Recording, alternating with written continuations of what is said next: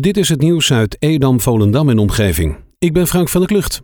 De vierde editie van de Topsportgala Volendam wordt uitgesteld. De bestuurders van HV Kras Volendam en FC Volendam vinden het door de ontwikkelingen rond het coronavirus onverantwoord om het evenement door te laten gaan.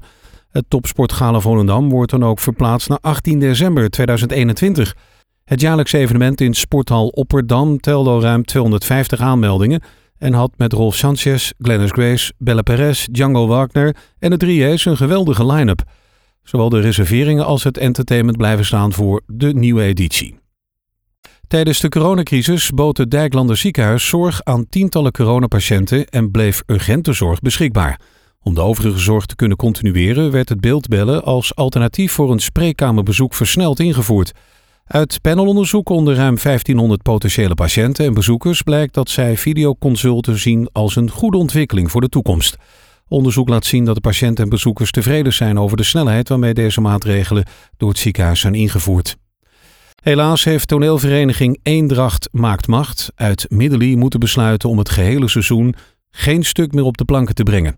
Het geplande stuk En Eentje zag ze vliegen zal dit jaar dus niet worden opgevoerd. Er werd nog even gehoopt dat het stuk op 2 en 3 oktober gespeeld kon worden, maar ook deze datum bleek in de praktijk niet haalbaar. Toch blijft de vereniging positief gestemd dat ze dit stuk in de toekomst wel kunnen spelen. Bovendien is volgend seizoen extra feestelijk, want dan bestaat de vereniging 150 jaar. De Raad van Kerken Edam-Volendam organiseert aanstaande zondag 27 september om 10 uur een ecumenische viering rond het thema Vrede verbindt verschil. Veel mensen verlangen naar contact met buurtgenoten die tot nu toe een vreemde voor ze zijn. In de Grote Kerk in Edam gaan dominee Hans Redijk en diaken Henk Bak voor in de ecumenische viering. Die wordt georganiseerd door de Raad van Kerken Edam-Volendam in samenwerking met de protestantse gemeenten in Zeevang en Oudendijk.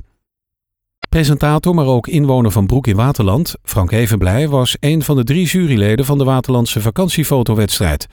De andere twee juryleden waren kinderburgemeester Bibi Meister en burgemeester Sico Heldorm. Na uitgebreid overleg door de vakkundige jury is de winnaar van de fotowedstrijd Vakantiegevoel in Waterland bekend.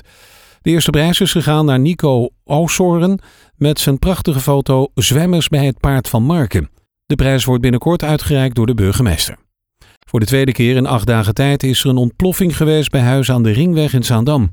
Gisteravond rond kwart over elf hoorden buurtbewoners een harde knal en was er volgens getuigen een sterke benzinelucht te ruiken. Dat meldt NH Nieuws. Al snel bleek dat er een ontploffing bij een rijtjeshuis was geweest. Het is nog onduidelijk hoe groot de schade is. Ook vorige week ontplofte er al iets bij dezelfde huizen.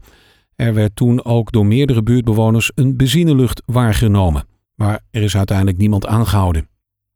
Uitdam krijgt na de dijkversterking toch een groene dijk terug. Alles wordt in het werk gesteld om het lange, grijze betonstrook te verhullen onder gras, plant en bloemen. Dat kregen bewoners van Uitdam gisteravond horen tijdens een digitale bijeenkomst over het dijkversterkingsproject. De alliantie Marken-Meerdijken gaat de komende jaren de hele dijk tussen Amsterdam en Hoorn versterken en binnenkort wordt ook begonnen met de voorbereidende werkzaamheden. Uit de nieuwe cijfers van het RIVM blijkt dat veel gemeentes in Zaanstreek-Waterland te maken hebben met een stijgend aantal inwoners dat positief test op het coronavirus. Dat schrijft het NAD vandaag.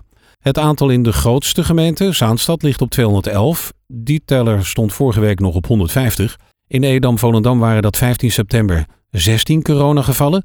Dinsdag waren dat er 47. Gemeente Waterland is de enige gemeente in de regio die minder besmettingen heeft dan een week geleden. Jip Molenaar is na een leerzaam jaar bij het Duitse Eintracht Frankfurt terug in Volendam. Bij de club waar hij voor zijn vertrek in 2019 al acht jaar speelde. Het bleek een leerzaam jaar voor de jonge Molenaar zowel op sportief als op persoonlijk vlak. Tot zover het nieuws uit Edam, Volendam en omgeving. Meer lokaal nieuws vindt u op de Love Kabelkrant, onze website of in de app.